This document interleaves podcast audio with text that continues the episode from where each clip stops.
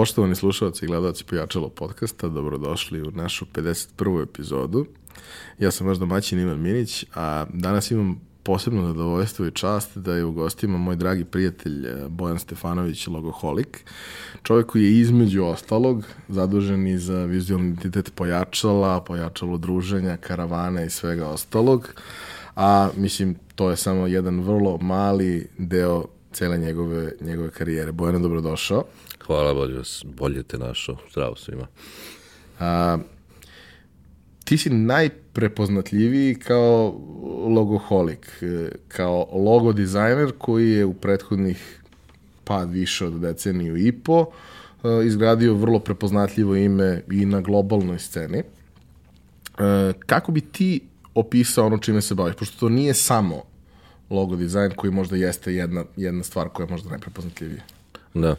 Pa ne mogu, ovaj, dosta dugo sam gradio taj brend, tako da ne mogu ovaj, da kažem da to nije prvenstveno ono čime se bavim, jer ime implicira dosta ovaj, godine građenja tog brenda, tako da u, u osnovi ja jesam logo dizajner i to je ono što najbolje radim. Ove, tokom godina normalno to se sve malo raširilo i ove, bavim se onim što sam se bavio i pre nego što sam se definisao kao logo dizajner. Ja sam grafički dizajner sad, to je ono moj posao i ono čemu sam se posvetio, tako da sad malo sam izašao iz neke uske. Mogu da to nekako napravim, da, da kažem da je to ovaj, nešto šire, bi bio neki brand identity, što može da bude možda malo nešto više od logo dizajna, sa nekim izletima u celu tu vizualnu sferu predstavljanja nekog brenda i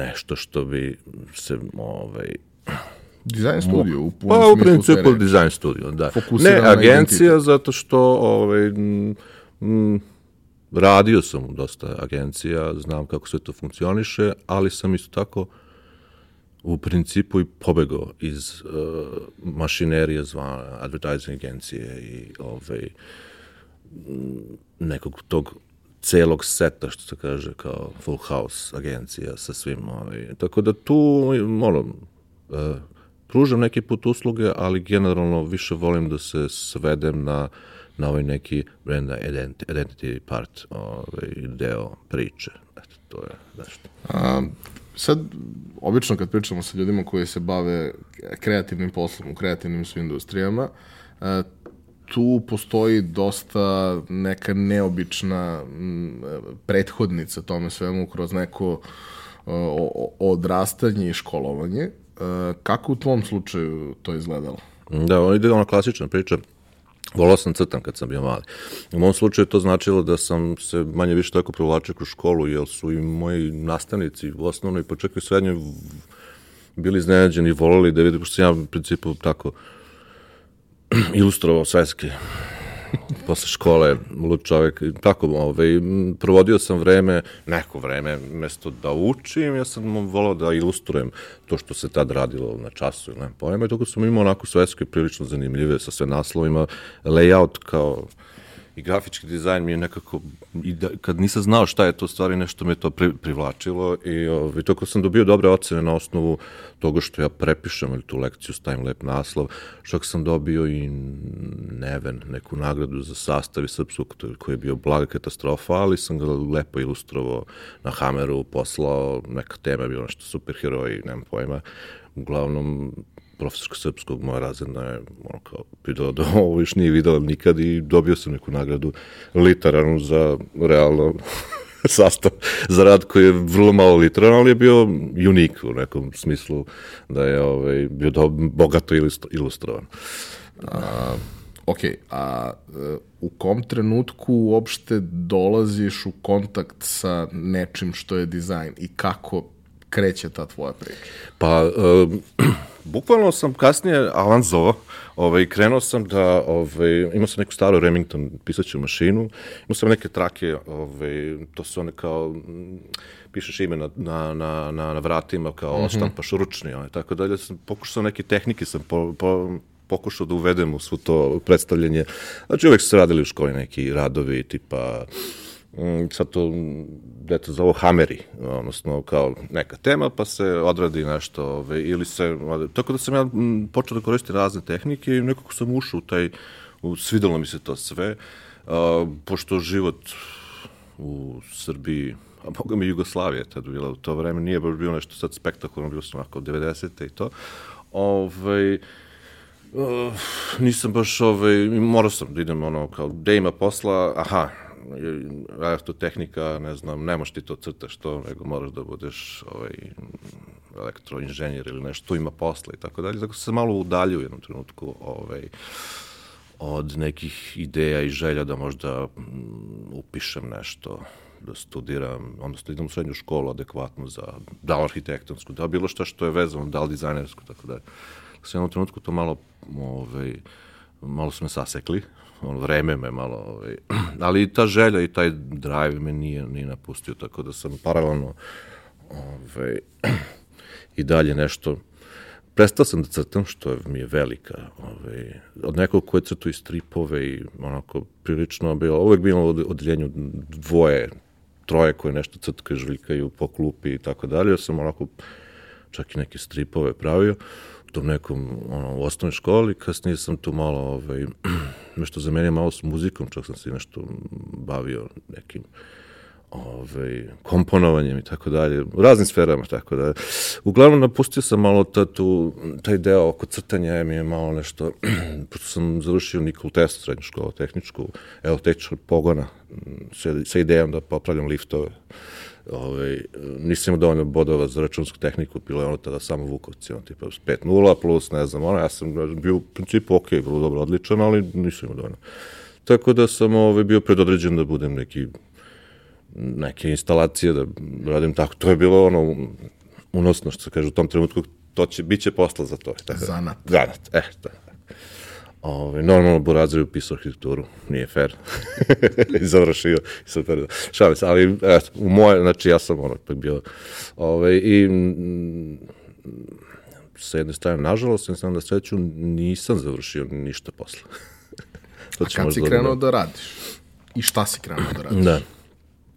A pa krenuo sam da radim svašta. Mislim, ovaj, bilo je onako malo kao što sam pomenuo, kao možda se neki sećaju, onako prilično rough times, tako da sam ovaj, um, svašta radio od, od konobarisanja, ša, šankerisanja, do nekih porodičnih, ovaj, prilično unosnijih poslova ili pozicija preko porodica, ali nikad mi to nije zanimalo. Čak sam imao nekih par nekih poslova koji su mi se rekli, ovaj, Ehm, to sam u Zlatari, što je ono, potpuno kao one in a million, kao, ti, ja, ja sam to brže bolje pobegao iz te priče. Ovaj, ne samo što je taj odnos šegrt eh, radnik bio prilično ovaj, brutalan, ovaj, tu je posebno jedna cela da ne pričamo, ali cela jedna struktura ljudi i tako dalje i odnosi, mene je sve vreme vuklo nešto drugo i ja sam se onda zaposlio uh, u štampari. iz Zlatare u štampari. Ove, ovaj, e sad, ok, ti, ti odlaziš u štampari, ali ti odlaziš kao nekvalifikovani. A, apsolutno, apsolutno. Znači, ja sam među vremenu neki vid kompjuter geeka, jer sam ispratio srećom, skupio sam neke pare, kupio sam prvo nekog komodora, šta je tad bilo zanimljivo, to sad neki ljudi, mislim, uglavnom ljudi ne znaju čemu pričam, ali nema veze. To se u muzejima. Ne, e, to, sad ću pričati o muzejima. Uglavnom, znači, sve što sam pored igrica normalno ili, ili, ili ideje da, ovaj, da, da vidim bakinu reakciju kada kompjuter kaže zdravo baba na englesk, sa engleskim akcentom, da je bilo, i tako, uglavnom, geek sam bio i danas jesam, ove, ali me je zanimalo i koristio sam, pokušao sam da izvučem maksimum iz tadašnjih praktično prvih pokušaja nekog grafičkog softvera koji u to vreme uh, na Commodore to bilo bukvalno programiranje, ono, imao Simon's Basic i kutaš linije kode, prepisuješ iz uh, časopisa tadašnjih računari, moj mikro, nemam pojem, ne sećam se više šta je bilo. dakle, da se sećam da sam napravio na mm, Commodore 64 imao legendarni kasetofon preko koga je, preko kasete koju, preko koga je učitavao programe i ovaj, imao sam na jednoj kaseti verziju tog neke, neke aplikacije za crtanje koja je imala rudimentalno ono kvadrat, krug, znači nešto što ako se neko razume, ono zamislite da Photoshop paletu i sad kao ono redom prvih 3-4 alata i kad sam završio recimo, ne znam, liniju, on rekao, evo ti neku igricu tu, kao dosadno se samo crtaš, znači, tako da sam imao i verziju 1.7 gde koja je imala na kraju, znači, preko, prekuca neki kod iz, ovaj, tipa, ono, asteroids ili šta već, ako ne nastanije. I normalno na toj verziji 1.7 je puka, puka kaseta i azimut i sve, i ovaj, nikad ta igrica nije, ovaj, pošto, ne, ovaj, ako ti se naučite dobro, ovaj, onda mora se da šafcigramo, podešavaš azimut, ovaj, glave, kasete, da bi se ošto učito taj program i to je otišlo u večno lovište. Uglavnom, znači, bio sam onako prilično geek što toga tiče i sve što je vezano za grafiku bilo kog ovaj, tipa, ovaj, nisam imao baš da je mnogo da naučim o tome, sem, eto, par tih časopisa nije bio neki community ili bilo šta slično, ali bili su štamparije.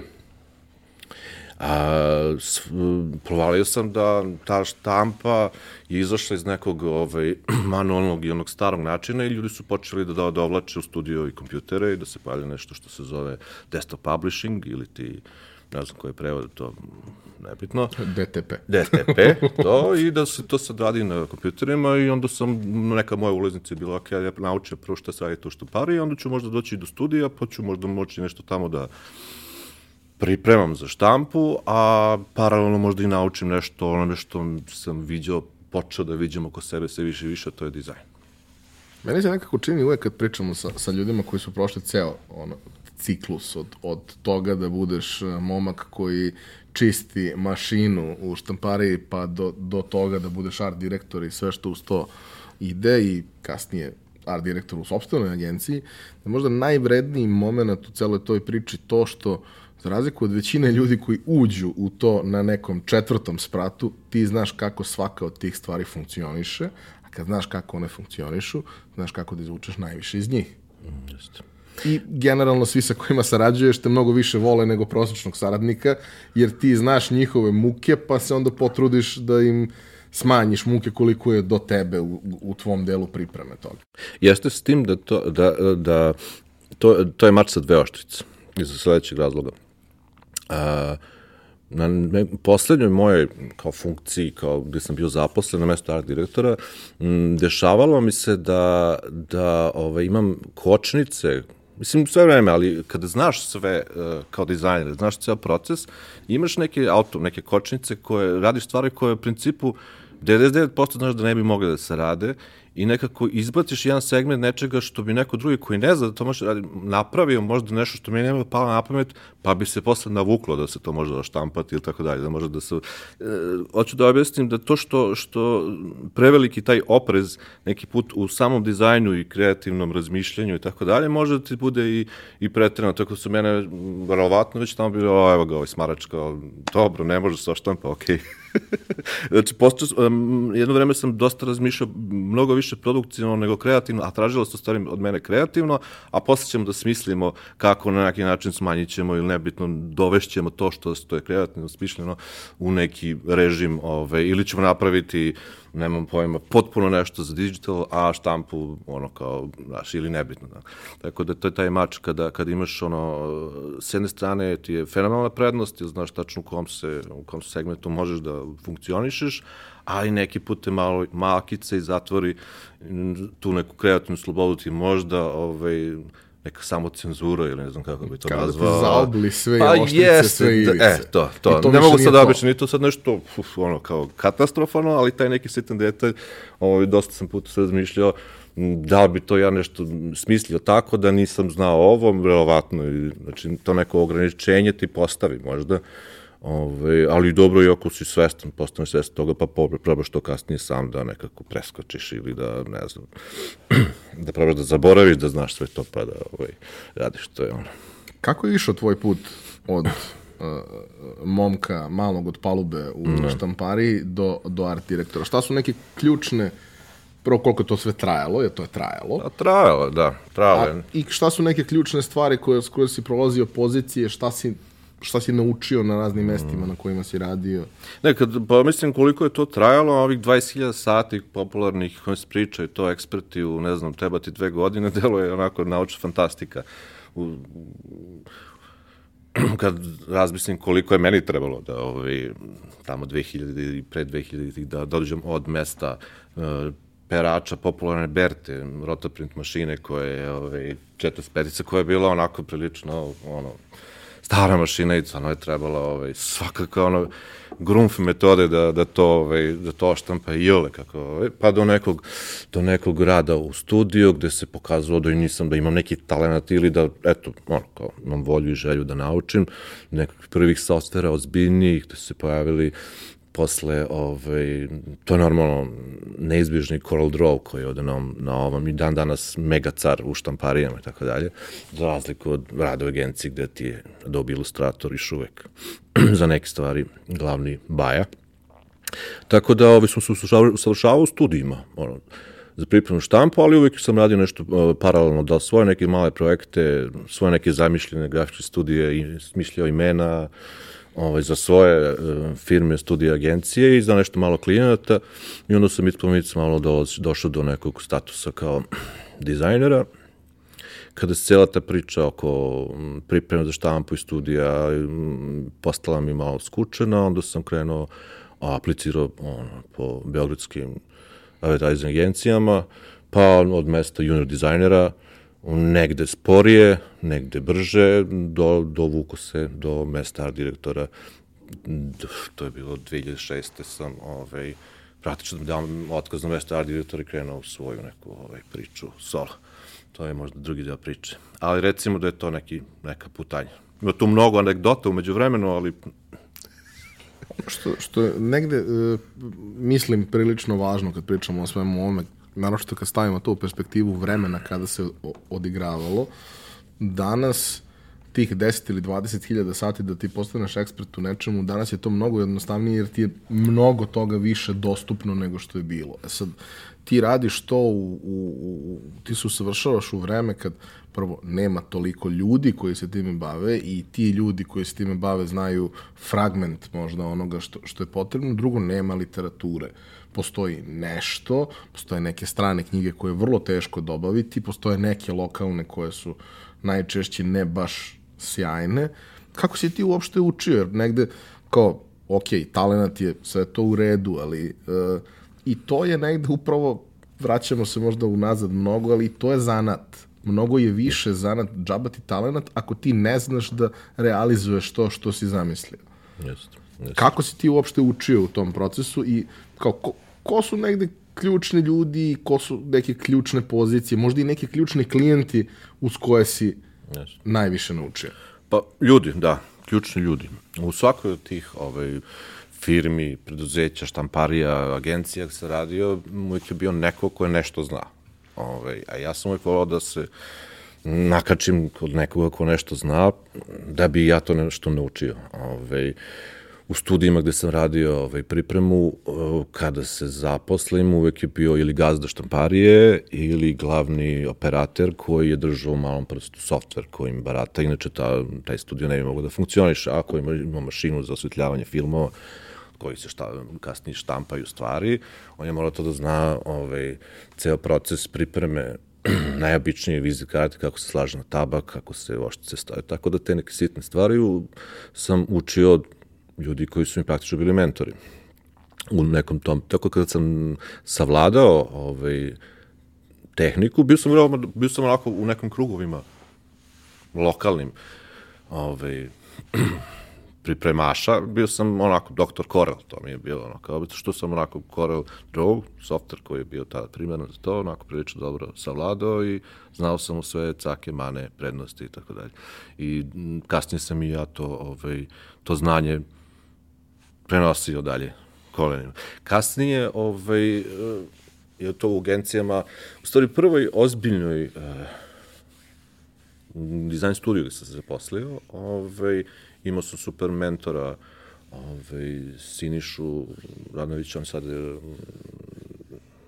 osnivača grafiksa, ovaj, jer on je u principu radio nešto što sam ja u stvari provalio da bi ja volao da radim i slučaju on se time ne bavi, više on je završio, on je praktično mm, grafički dizajner koji je to vreme onako nije specializovao, ali logo dizajn mu je bio jedna od stvari koje je najbolje radio i najviše radio i baš se konkretno tad radio, ja mislim, on je radio lično logo dizajn za mm, jednu našu veliku ovaj, kompaniju onda se sve upoznao s tim procesom, kako to sve ide, šta znači tipografija, ali stvarno šta znači tipografija i šta znači kada radiš na jednom logotipu, znači to je logo koje je sastavljen iz slova samo, tipa godinu dana.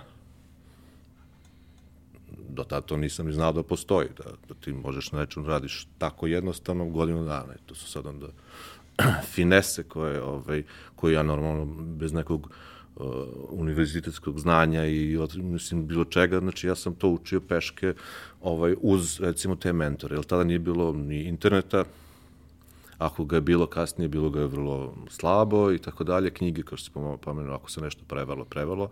I ti neki prijatelji, ako su videli malo inostranstvo, su nešto dovlačili, pa se delilo to i tako dalje, ali uglavnom, ono, jedan na jedan.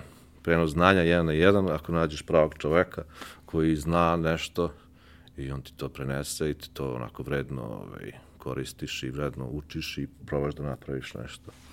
Tako da, eto, to je otprilike.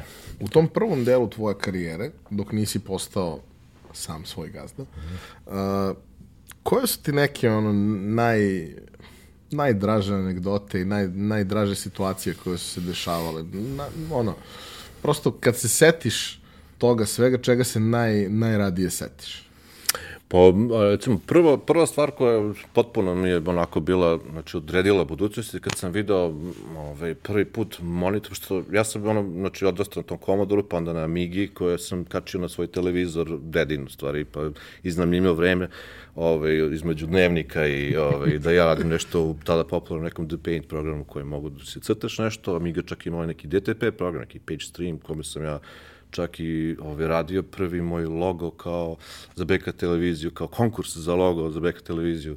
Ove, radio, radio sam u tom nekom page stream programu za Amigu i štampo na Epson LQ24 igličnom matričnom štampaču koji sam lično doveo, doneo na leđima iz Minhina ove, u nekoj turi ili tada smo još mogli da putujemo i tako dalje.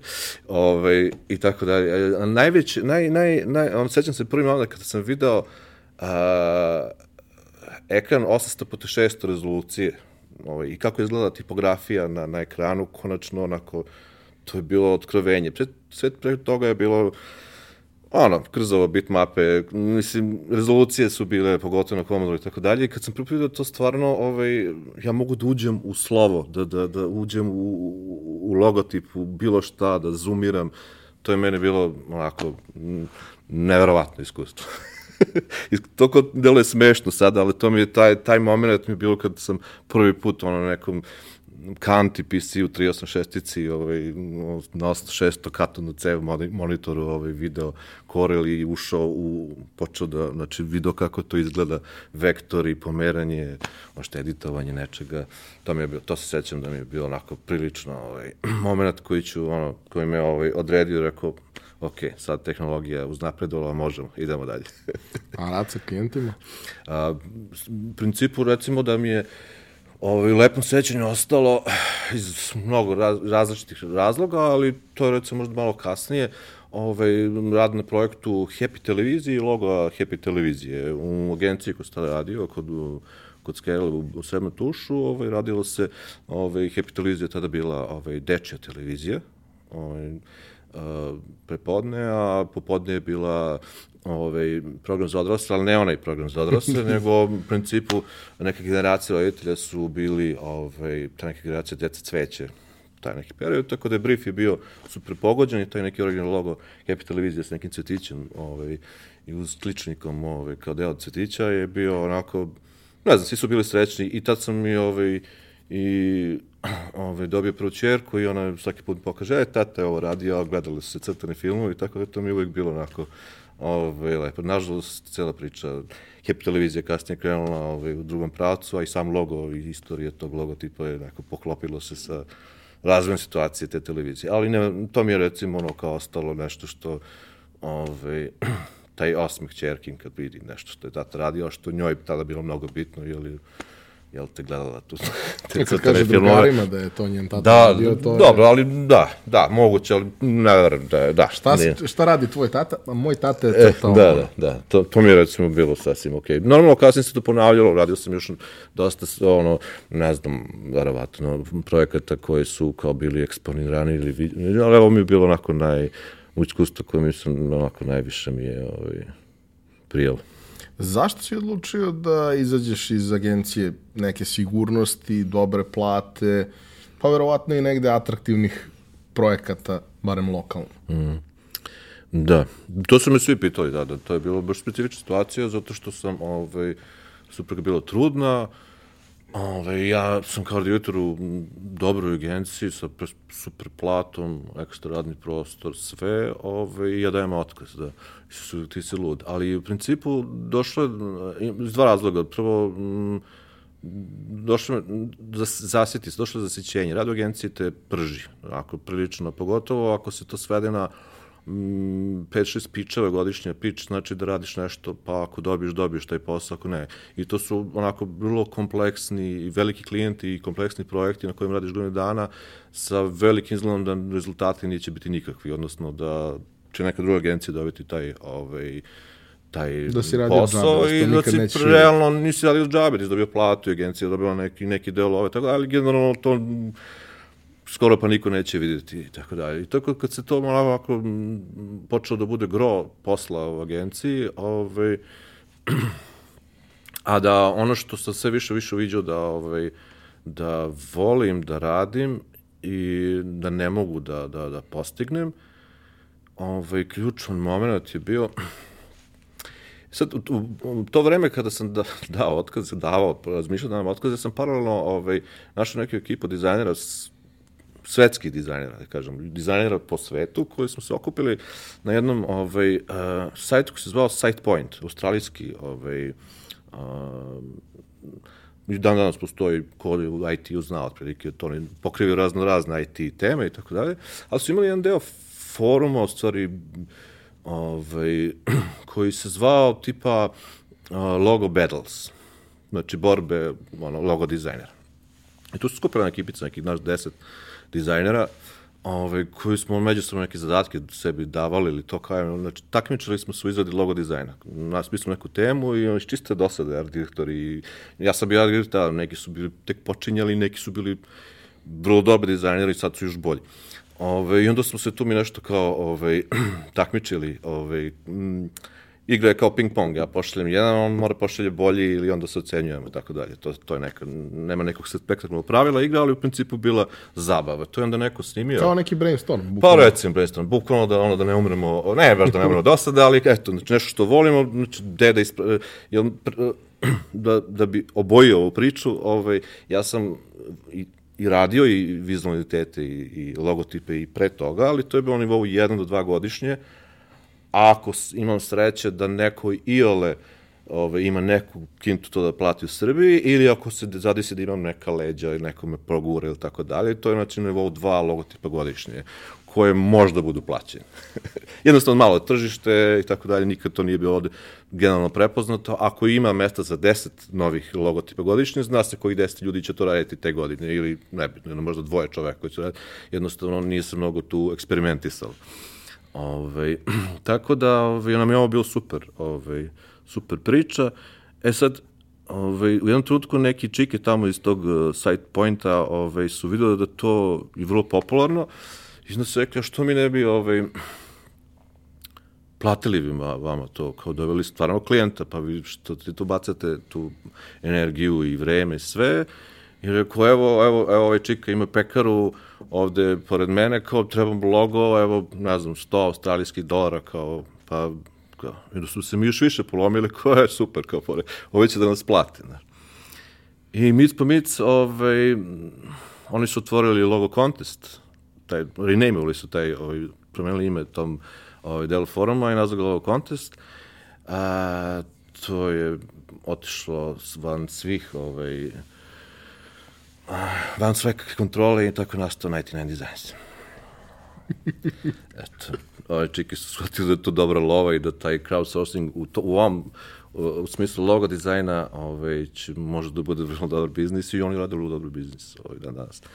Tako da sam ja s jedne strane ovaj, malo mi je krivo što, to, što sam napravio to čudovište s jedne strane, zato što ovaj, to čudovište meni pomoglo u jednom delu karijere, sigurno sam ovaj, nemam pojma, našao 5-6 nekih inicijalnih klijenata i mogu sam da izađem iz, ovaj, da se vratim na onu priču, zašto sam da otkaz, zato što sam ja, ovaj, ono, Ovo se sve dešavalo u paraleli. Paraleli se dešavao, ja još radim kao direktor, umeđu vremena meni svako jutro stiže po 2-3 request for proposal ili, ili ponude za izradu logo dizajna od nekih belosvetskih klijenata, Normalno, ne oni cena 100 dolara, nego sad su videli da, misto, ja, između ostalog, par tih dizajnera stvarno dobro radimo i da oni imaju neki budžet koji je za, za neke ovde lokalne uslove bio super. Znači, nije svetski budžet, nego neki dobar budžet za izradu logo dizajna u Srbiji. Ja sam onda shvatio da ja ovaj, ne mogu da postignem ono, i da radim tamo i ovo da radim, ovo, ovo volim da radim, ovo me plaća tri puta više nego najbolja plata u, u, ovaj, u to vreme, nego tamo gde sam radio i onda je to bilo, matematika bilo vrlo jednostavno, a i uspeo sam eto da budem tu dok mi je mlađa čerka odrastala i kao radio sam tada od kuće, počeo sam od kuće kao svoj čovek, logoholik. A kaži mi, e, u, u, kako izgleda, ok, imao si pripremu kroz to što ste radili kroz zajednicu, kroz, kroz forum, da ste se tu takmičili, challenge-ovali jedni drugi i tako dalje. Ali kako izgleda to kad ti sa jednog posla koji je komplikovan, ima mnogo elemenata koje ti radiš, prelaziš u režim u kome si ti specializovan za ovo, ali toga ima mnogo. A to zahteva jako puno nekih zdravih ideja. Znaš kao, kad ti neko kaže e, uradi flyer ili uradi brošuru, ti možda ispolivaš flyer i brošuru mm, tako što mm. ćeš da na istom manje više ono, layoutu, da promeniš boje, staviš druge slike i to će da bude više nego dobro. Ali ovde to nije slučaj. Ti ovde treba da zaista osmisliš, da se udubiš i zaista osmisliš, da napraviš sebi radni proces, a sa druge strane, ovo je mnogo zahtevnije u smislu da, da brief od klijenta koji dobiješ zadatak projektni koji dobiješ od klijenta uh, vrlo često nije dovoljno detaljan, nije dovoljno jasan, a ti nemaš sad varijantu, on hoće 50 stvari, pa ćeš ti dve ključne da staviš krupno, a ovo ostalo ćeš da mu provučeš po stranicama, šta god. Ne, ovo je jedna vrlo svedena, jedna vrlo prefinjena forma, a ljudi to vrlo često ne razumeju. A ti si negde, nisi na početku kao dizajner, ali si na početku kao neko ko se specializovao za to. Kako je to sve mm. izgledalo, prosto kako? Pa, ovaj, pošto sam krenuo od nekih tih manjih, ono da kažem, projekata, pekarica, ne znam, mamen's pub shop, kako već zovu ovaj, amerikanci ili ti manji, tako da nisam imao ovaj, neki problem.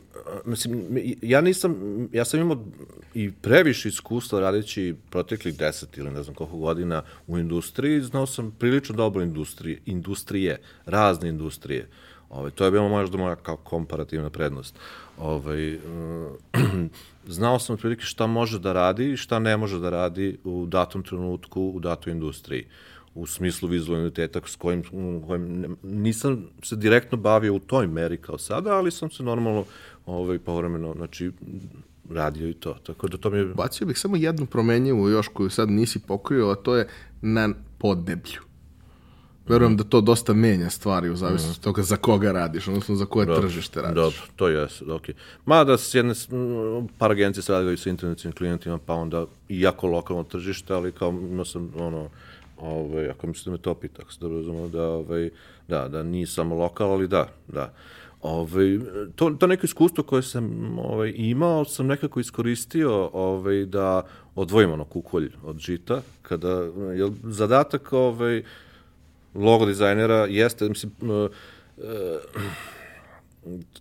treba da, da treba tu neku suštinu i srž sažeti u nešto što je prilično ovaj, uh, Jednostavno, jednostavno i ali je ali ali isto tako i neka neka neka, neka prva stvar koja te ono označava ili koja jednostavno se upečatljiv. Da.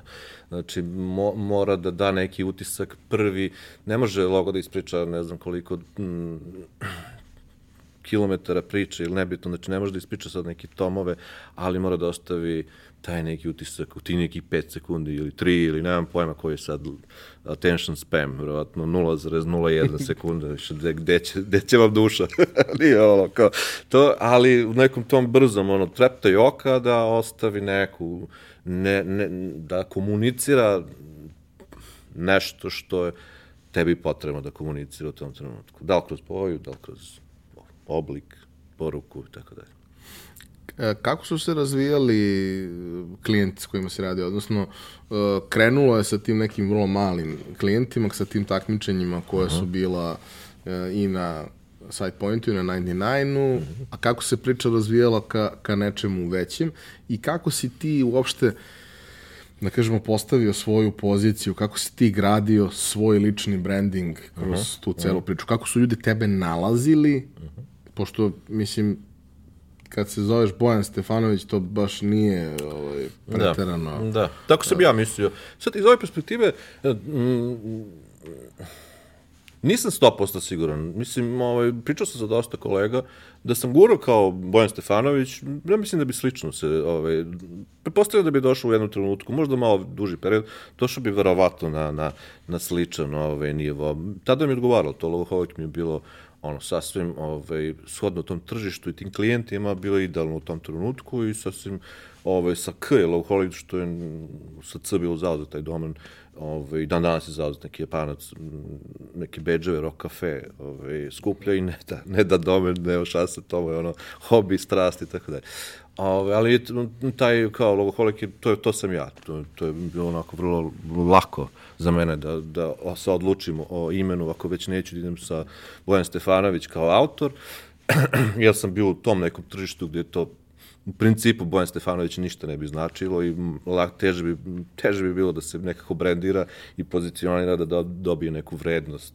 Ove, da ti neki klijenti uvide tu neku vrednost u ovaj, onome što ja pružam, ovako je nekako logoholik je u startu kao davalo neku vrednost. Kasnije mi to vratno i dan danas, danas kada pokušavam možda da raširim nešto, verovatno možda i više smeta, pošto je uh, ima onako na sredini između cheesy i ne cheesy. Znači, ako, Ali definitivno opredeljuje za opredeljuje identitet. vrlo, vrlo, vrlo definitivno. Znači, ima ono. E, paralelno kada sam 2006. krenuo s logoholic.com, ja sam ovaj, uzeo neku ekipu sa, sa tadašnjeg side pointa, odnosno 99 dizajnera i napravili smo agenciju, kao svetsku agenciju koju smo nazvali Ten Creatives, ili se bilo desetora.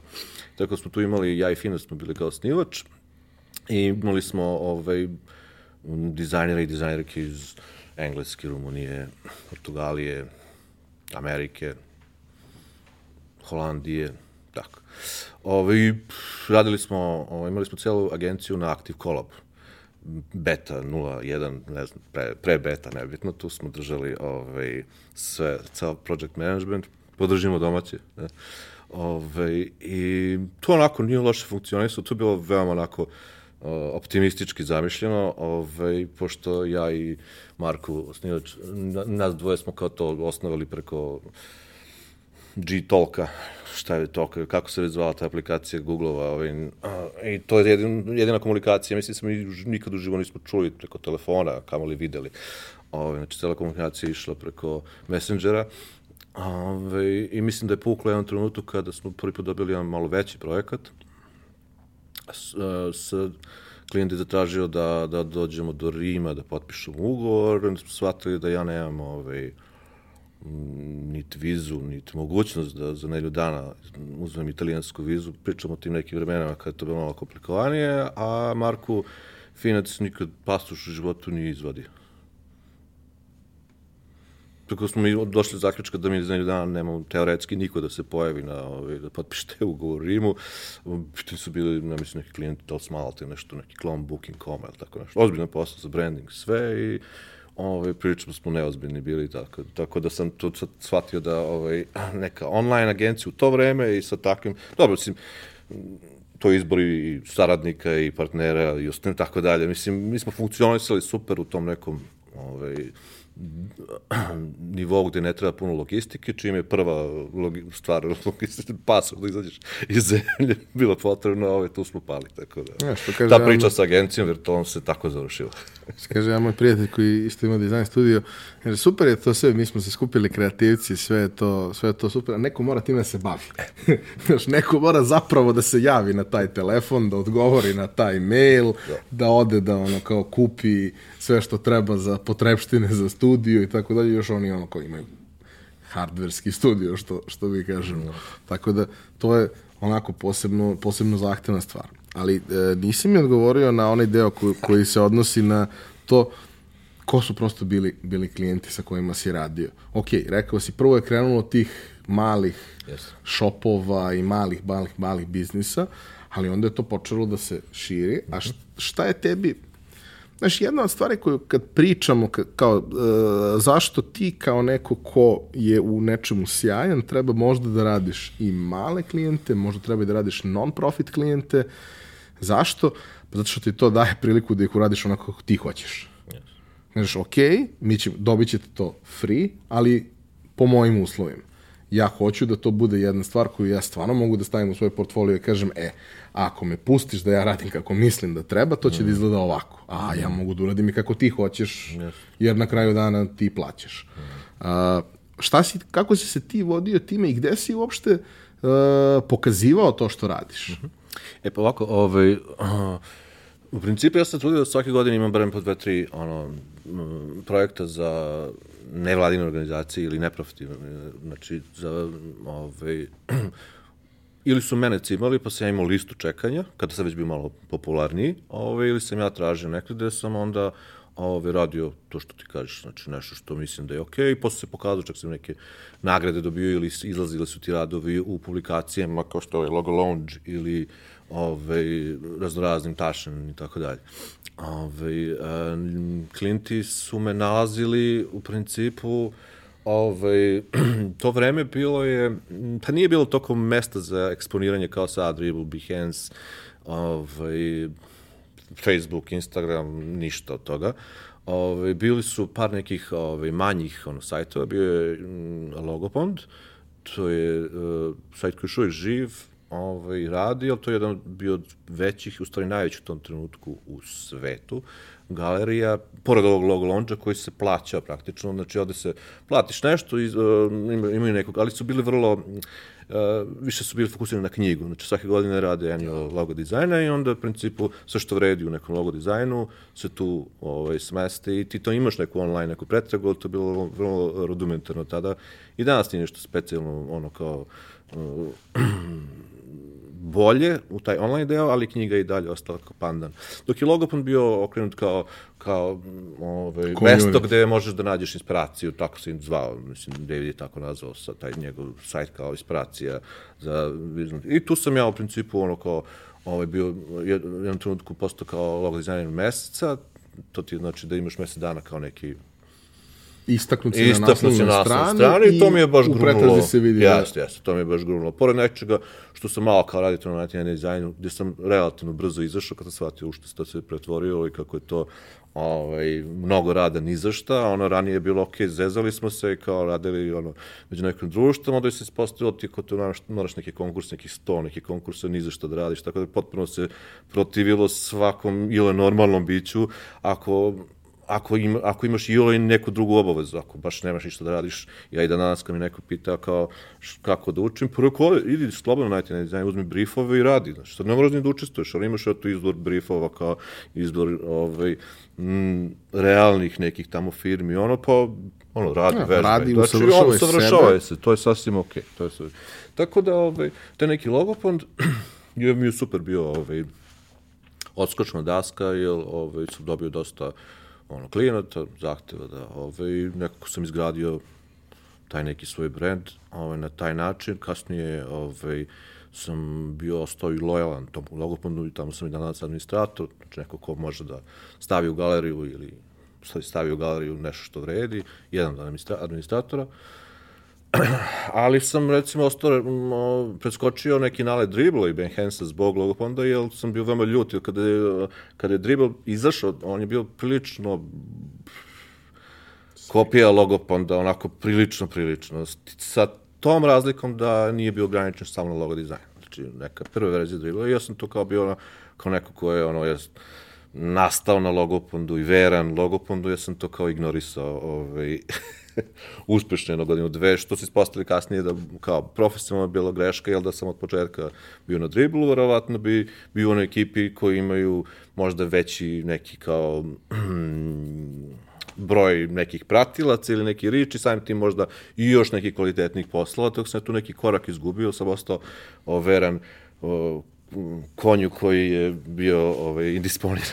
Ali ispostavio se da David baš nema neke vlasnik onda nema neke ideje da, da, da podigne taj sajt. I uprko svim nama koji smo ga molili, kumili, davali mu besplatan dizajn, sve živo, da podignemo da, da taj community se ne raspadne, on se u principu raspao, jer njemu je kao poslovni model samog logo, da u principu odgovarao da on ima neku zaradicu tih banera i to ima super. Hranimo mu porodicu i on samo da kaplji.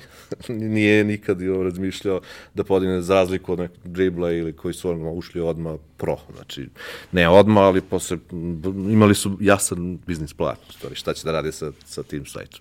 Ali što bih volao samo da te pitam, da pojasnimo, e, taj deo sa, sa logopodnom, Logopond je prilika dizajnerima da postave svoje radove koje Jasne, ne besplatno. moraju da budu prihvaćeni logotip. Ne. Čak negde ono u opisima stoji da. klijent je prihvatio. Ima čak i da, da, da, da A ima negde i variacija gde tak, se kaže tak. ovo je tri variacije na istu temu, Jasne. prihvaćena je druga, ova mm. nije prihvaćena, mm. kao Da. Meni je interesantna, ja sam ponosan na nju, yes. hoću tu da je pokažem. Mm.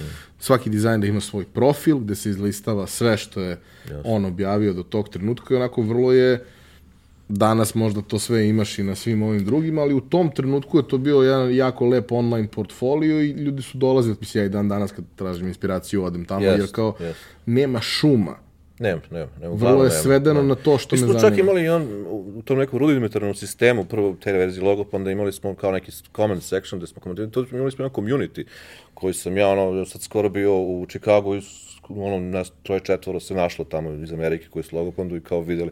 Znači, community dizajnera koji su tu, eto, skapirali smo tako dalje, čak i imao, iako ne imao neki forum, nego imao nešto tipa u, komentarima, svaki logo mogu se da komentariš i tu smo bukvalno imali po ono sesije, ono priče i tako dalje, ovaj, o nekoj temi i tako dalje. To, tako da je bio čak i neki community, iako realno sajt u startu nije bio zamišljen da ima community, niti ideja da to može da bude community, ali eto, ljudi sami naprave community i gde može i gde ne može, kako samo daj neki minimalni predoslov. Samo ako iskupiš, samo ako iskupiš. Da, to, e, to. A, nekad je to bilo dosta jednostavnije i mnogo je manje prostora uopšte bilo na kojima ti možeš da, da, da, da se oglasiš, pojaviš. Uh, sada je to dosta drugačije. Sada baš ima mnogo i specializovanih, ali ima i mnogo više konkurencije. Šta bi ti preporučio nekome ko... Prvo, šta ti sve sad radiš mm. od toga, a drugo, šta bi ti preporučio nekome ko hoće da uđe u priču i jasno mu je da ne može da se fokusira na sve. Mm. Ako bi morao da izabereš nešto na što neko treba da se fokusira, jer kao jedan deo vremena mora da se bavi sobstvenim razvojem, šta bi bilo nešto što misliš da je najvažnije? Um, sad je veliki problem što je količina svega enormna. Informacija, um, razno raznih kanala kojima možeš i, i količina praktično i dizajnera. Mislim, verovatno i ranije bila ovoliko, ali sad, sad možeš da vidiš konkretno koliko je to. A, neki način na ko, koji sam i ja pokušavao i koji, koji, sam, koji sam shvatio da trenutno verovatno je najbolje, ako ili imaš vremena da se posvetiš, da uzmeš nekih, neki projekat izmisliš ili, ili nađeš neku firmu, lokalu ili nešto što bi misliš da bi mogao bolje da uradiš i onako potrudiš se da uradiš onako kako malo onako bolje.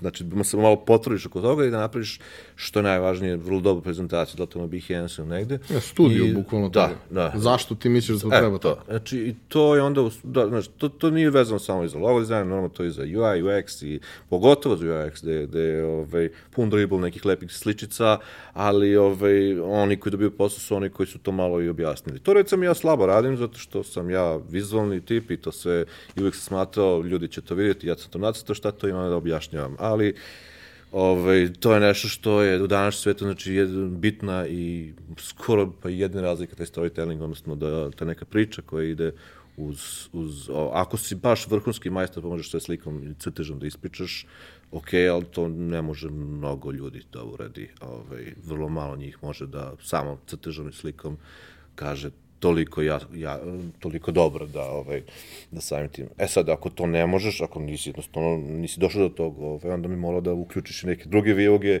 da se probaš sa nekim da napišeš neku priču oko toga kako šta da, napravi, da napraviš neki neki case study ili ti neku što si ti rekao studiju o, ovaj, o tom projektu i da to lepo ovaj, prezentuješ i dosta ljudi, jako, ja znam baš dosta dizajnera koji recimo pa, četiri meseca godišnje rade, a šest meseci rade ovaj, lidskoj portfolio ili ti prave Behance i na osnovu toga dobiju još bolji posle sledeće godine. Tako da to je jedna od stvari koja, znači, ako uspeš da napraviš barem 60-40, znači 60% vremena da radiš to što radiš posao, a, a 40% da radiš na usavršavanju ili, ili na uslovečeno reklamiranju, pozicioniranju sebe, ovaj, ti ideš u budućnosti, možeš sebi da gradiš neku, ovaj, neki, imaš neki plan.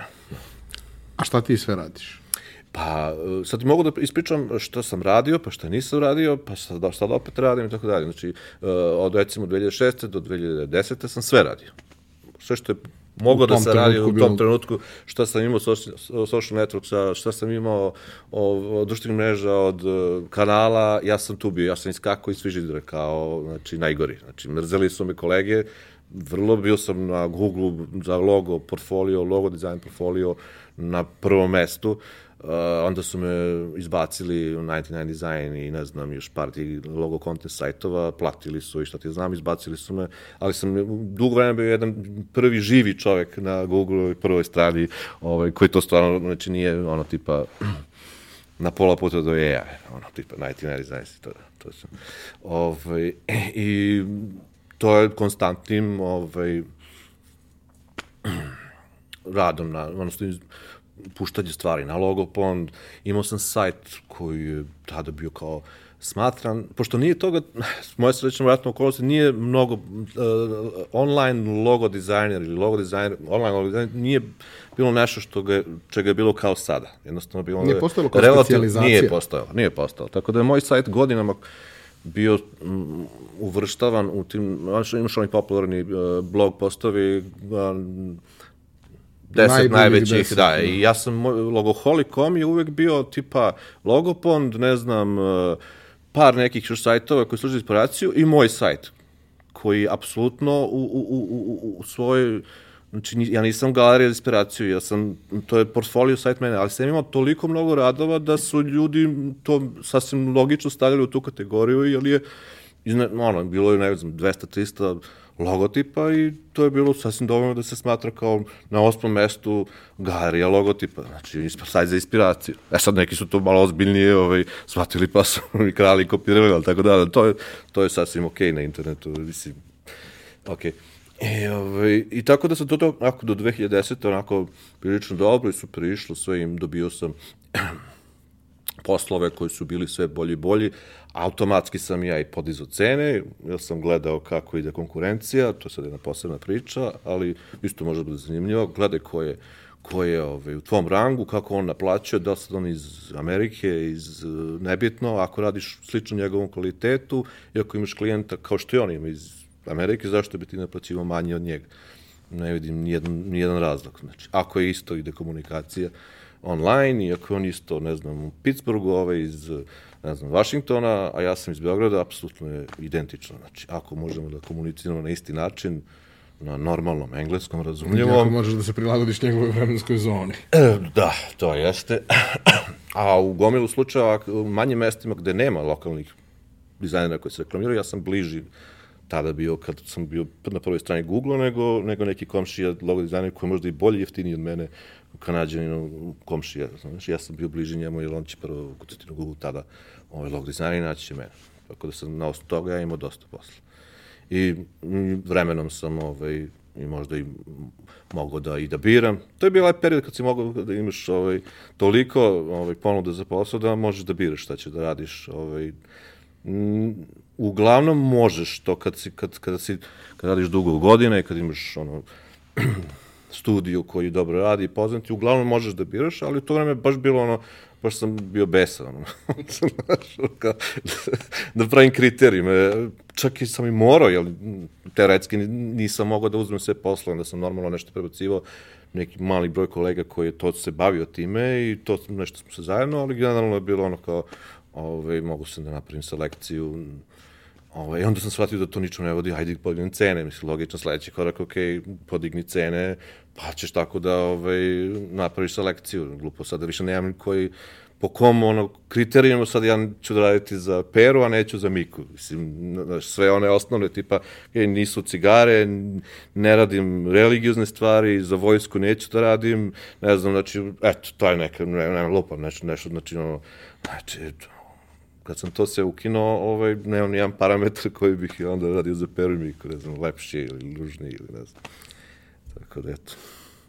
A e, ono što sam isto ispratio kroz prethodne godine, dugo se znamo, to je da ti e, svake godine izdvojiš neko vreme kada uradiš nekakav m, godišnji presek. Da li je to e, projekat koji je nešto specifično te godine, pa se bavi možda ne znam, lokalnim brendovima ili ona abeceda brendova mm -hmm. koje si radio logo ili azbuk. nešto tako. Logo Čak i azbuk. to ima. da. Ovaj, kao, šta su stvari koje radiš tog tipa danas i zašto to radiš, odnosno koliko te stvari za tebe imaju smisla komercijalno, a koliko je to prosto nešto što želiš da uradiš. Da, da. Pa, e, da nastavimo priču, to ću da se nadovežem. Znači, ovo sve što sam radio, radio sam do 2010. pa sam onda prestao da radim, sam dobio drugo dete i mislio sam da će to sve samo da ide.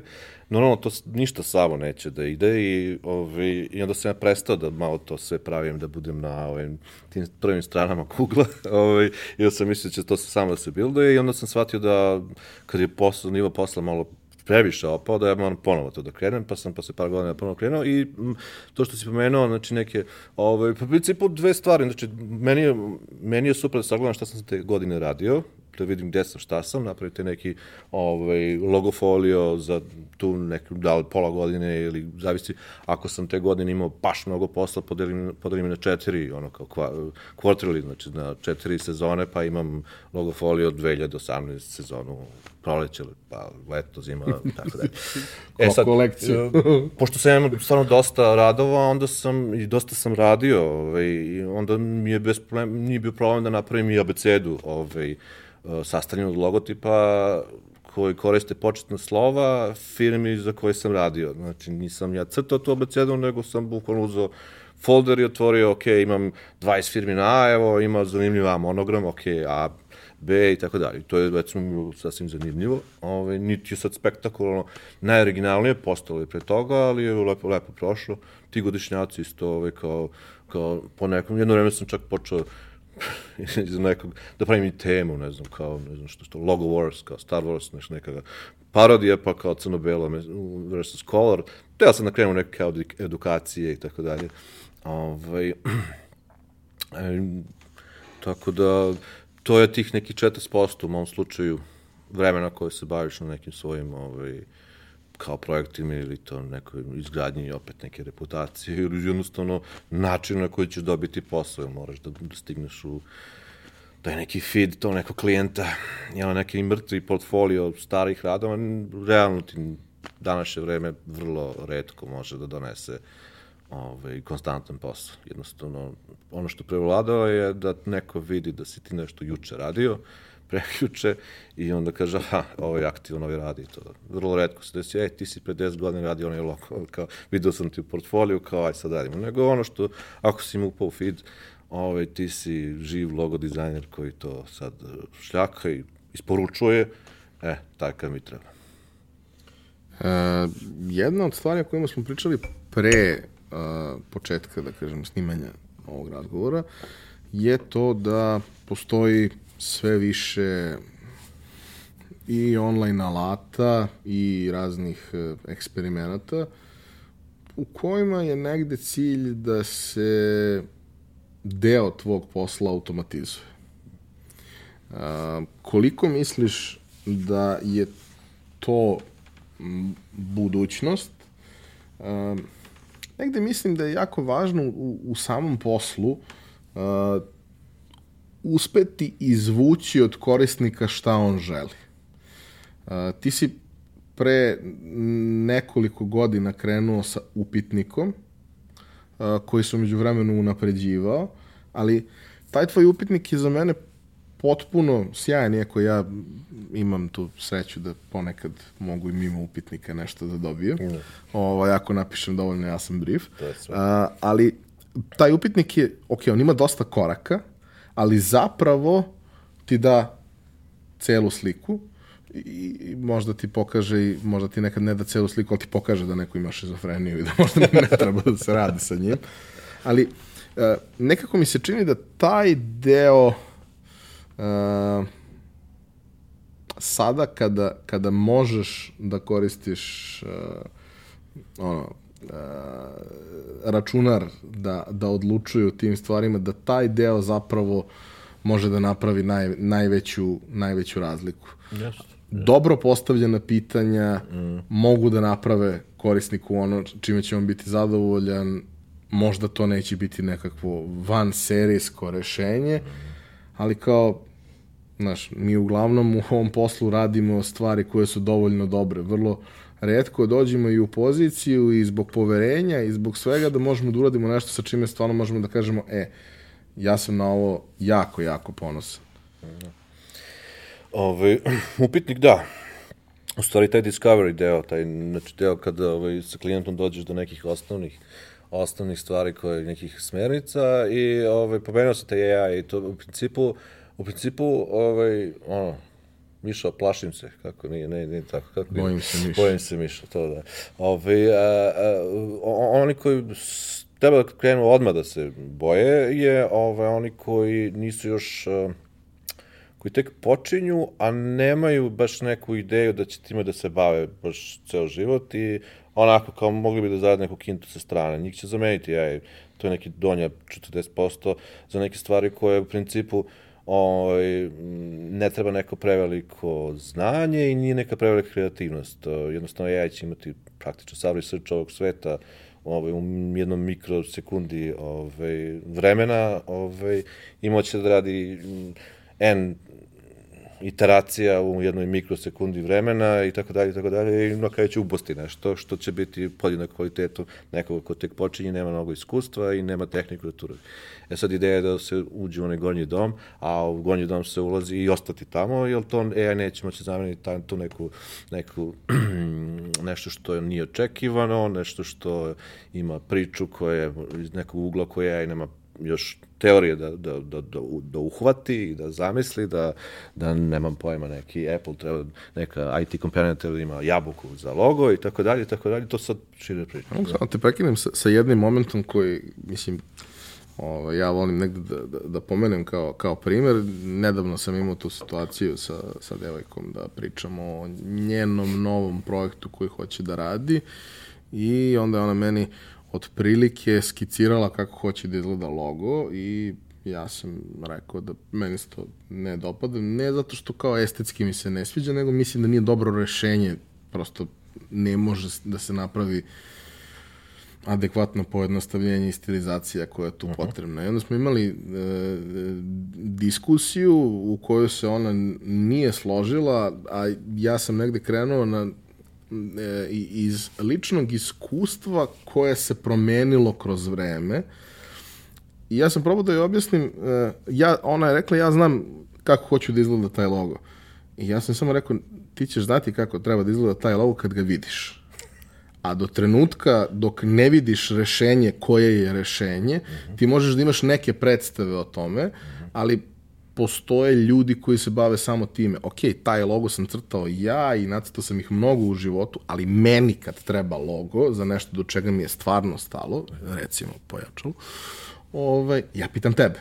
A, Zato što kao, to je nešto čime se ti baviš. Da, ja sam napravio 50 logotipa u svom životu usput i neki od njih iako se ja time ne bavim, ja sam vrlo zadovoljan kako su oni ispali, ali kao, ja sam svaki put kada sam tebi slao, u jednoj, dve ili tri iteracije dobio rešenje kojim sam bio više nego zadovoljan, dok u mom slučaju vrlo često se desi da ja prosto od nečega odustanem, jer kao jednostavno nemam dovoljno dobro rešenje za taj problem.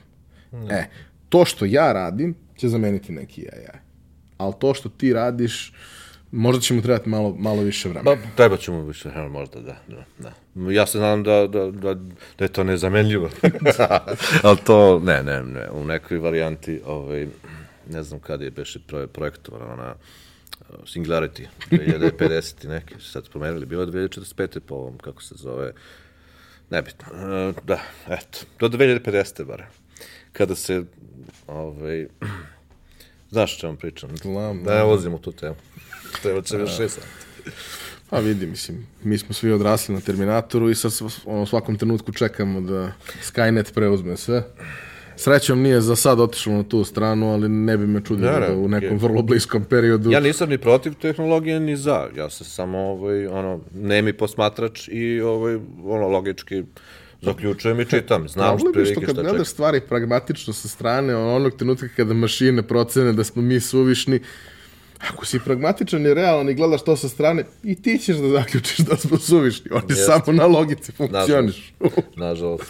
uh, ono što bih voleo negde da, da, čime bih voleo da zaključimo ovaj razgovor, a znam da je to teško pitanje, ali mislim da je jako važno, pričamo uh, pričamo ljudima koji vrlo često ne znaju na pravi način da verbalizuju koje su to neke vrednosti koje, koje njihov brand nosi. Oni tek grade tu celu priču. Oni su možda napravili proizvod koji je dobar, sad treba ispričati priču tog proizvoda.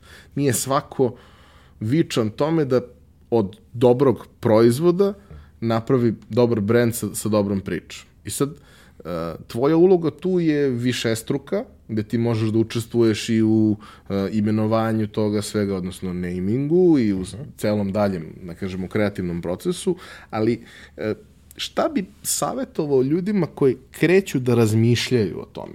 Dakle, nisu još došli u fazu da će angažovati nekoga, ali kad angažuju nekog, oni treba da dođu uh, s kakvim predznanjem se ide u kafanu. E, treba da dođu sa neki, nekom idejom, nečim, a oni o tome u suštini ne znaju ništa. Kako bi ih ti usmerio u kom smeru da razmišljaju? Pa, što se zove uh, hajde, banalno, uh, design first, uh,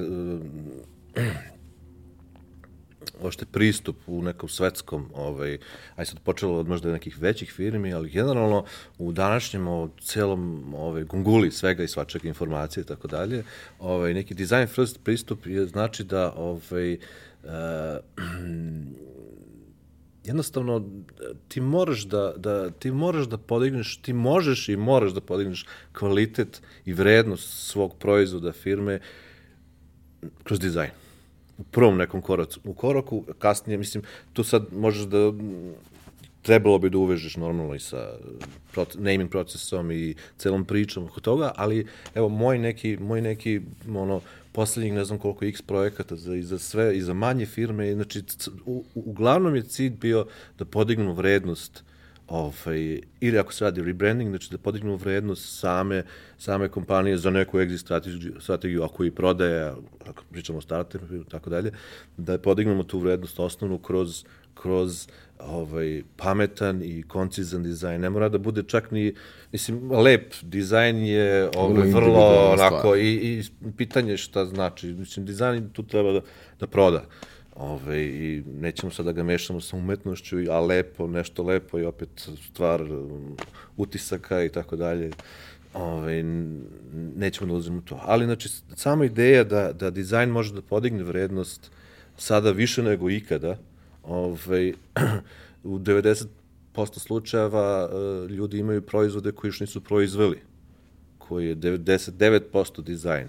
Znači, ideja je da se proda nešto, pa imamo koncept sve, pa kad prodamo, proizvoćem. Što ja imam neki prijatelji koji to rade i ja njih savjetujem, nemoj molim te da praviš ono hiljadu nečega pa da prodaješ. To je ono, istorija daleka, jednostavno, da li ćeš naći kupce, ako imaš već nešto, onda prodaj pa napravi, ono, znači nema da držiš ono lagere, praviš, niko ne pravi lagere, jednostavno ne može da se da, nekim industrijama mora normalno, ali u, u dosta ove industrije, tako da to je nešto što ja u principu uspešno radim sa ove godine i neki, neki deo koji, koji isto ovaj, je zanimljiv. Ja u principu nudim neke, neki uslovčan kvalitet koji možda možda ponudi neke agencije, ali ja nemam onaj uh, agency overhead, odnosno nemam one kafe kuvarice, veliki prostor u centru grada, ima manji prostor u, u širem centru grada, ove, e, razumeš, tako da mogu da ponudim taj neki, taj neki kvalitet koji bi neka agencija, verovatno možda čak i, i manji, jer verovatno ne može da, da zaposli uh,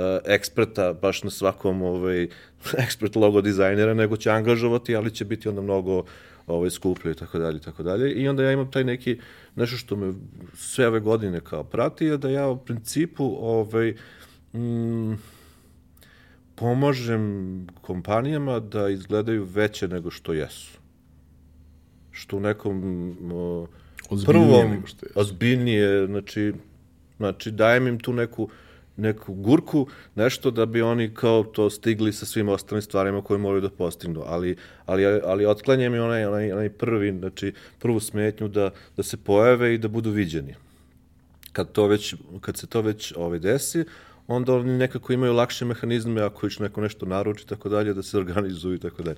Vrlo je teško u moru svega ovaj, svačega doći do pozicije da te neko uopšte vidi.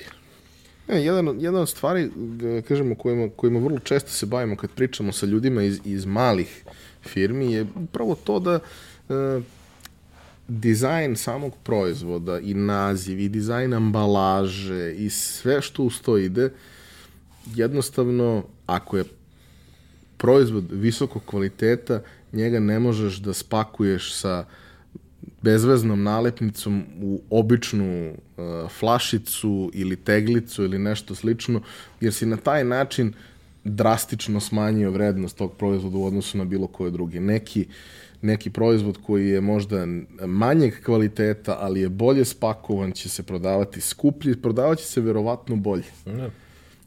Ali jeste to neko investiranje na početku koje možda ljudima nije, nije baš tako lako, ali to je nešto što uh, ozbiljnu razliku može da napravi. Jeste, pa u nekim slučajima recimo, ako neki put desi da, da nemaju lovu za, za mislim to, a mogu da investiraju možda u dizajnera koji će im naprati unikatne rezum, set tih običnih flašica ili, ili kartona, pa i, mislim i to će koštati ili znači prijatelj, tako da ima načina da, da je nešto što je ono običnije napraviš neobičnim, ono kao da bi, kad pričam već o pakovanju, ove, ovaj, ali slažem se, da, ove, ovaj, tržište, na, ako pričamo o našem tržištu, tu nema mnogo priče. Mislim, tako je kako je. Znači, u nekim okvirima u kojima može da se ovaj, kreće, ono će se kreće, kretati.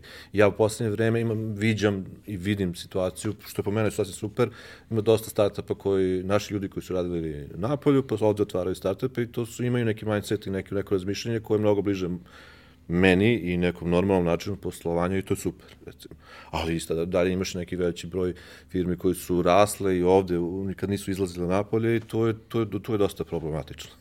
to je dosta problematično, jednostavno nivoj odluke, kako se odlučuje i ko odlučuje i šta, ovaj, nekako ne vidim tu plan i program nikakav. Tako, isto, mislim, jedna od stvari o kojima često pričamo je kao, ako razmišljaš da kreneš u nešto i inspiracija ti je bio neko koga uh, neko ko već radi nešto donekle slično. Nemoj napraviti to isto. No. Isto već postoji. Yes. Yes. Napravi svoju varijaciju toga. Ne moraš ni da odeš preterano daleko. Ta, ta priča sa ambalažama je uvek izazov zato što treba da napraviš nešto što je racionalna odluka. Treba da ga poboljšaš 50%, a da cena ne, ne bude drastično promenjena. Imali smo neku situaciju gde kao, baš sam gledao dve teglice koje su vrlo slične. Da, jeste ova jedna lepša, ali ona je 70 dinara komada, ova je 17. Mm. Pa dobro, za toliko će i neka lepa etiketa na teglici da promeni celu priču. Dakle, treba negde postaviti stvar racionalno. U nekim situacijama i ta investicija od 70 dinara po teglici ili 100 dinara po kutiji može da ima smisla. U mnogim treba da nađeš najbolje optimalno rešenje koje zadovoljava i funkcijom i izgledom to što treba. Ali da bi ti to našao, mnogo je lakše da pričaš sa nekim ko se time bavi, nego da ti sad pokušavaš od svega što je dostupno da probaš da suziš izbor i verovatno u tom procesu. A neki ljudi misle da tako štede, na kraju se postavi da to baš i nije bila ušteda, a, pogotovo kada se oštampa neki tiraž nečega, se postavi da nije trebao da se oštampa i tako dalje. I, da. I mislim, to recimo meni pomaže kod određivanja budžeta, kod klijenata, zavisnosti od veličine kompanije. Mislim, na kraju kad se vidi koliko vam je trošilo sledeće godine za štampu i svega, kad stavi na papir, pa vam se ne isplati da ovaj, angažate nekoga malog od palube da vam rodi nešto, će mnogo skupo da vas košta sledeće godine, ovaj, da to promenite ponovo. Tako da i to je jedan od parametara ovaj, koja prosto treba uzeti. Pa, da, da. Eto. Boki, hvala ti što si Hvala bio. tebi. Uh, kao što smo pokrenuli pre nekoliko epizoda i u ovoj uh, delimo knjigu. Ovoga puta uh, Robert Kiyosaki, Bogati otac, uh, siromašni otac. Ovoga puta vrlo interesantan ovaj cover koji je Finesa pripremila, tako da ovaj svi koji ste zainteresovani za ovu knjigu, a preporuka za nju definitivno, svi koji ste zainteresovani, ostavite komentar da ste zainteresovani u, uh, ispod ovog videa na YouTube-u, a mi ćemo pred objavljivanje naredne epizode izvući nasumično ovaj, tri dobitnika i onda vas kontaktirati da dobijemo adresu i sve da bismo mogli da vam dostavimo knjigu. Još jednom, Boki, hvala što si bio nadam se da, da i vama slušalcima i gledalcima bila interesantna ova priča. Ja ću vas zamoliti kao i do sada ovaj, da nam sve svoje komentare, ideje, predloge i bilo kakav feedback uh, ostavite na društvenim mrežama ili nam pišete jer to je jedini način da, da budemo bolji i da iz epizode u epizodu uh, nastavimo da pričamo priče koje osim što su nama interesantne budu i vama interesantne. Hvala na pažnji još jednom, hvala tebi što si bio. Hvala ti.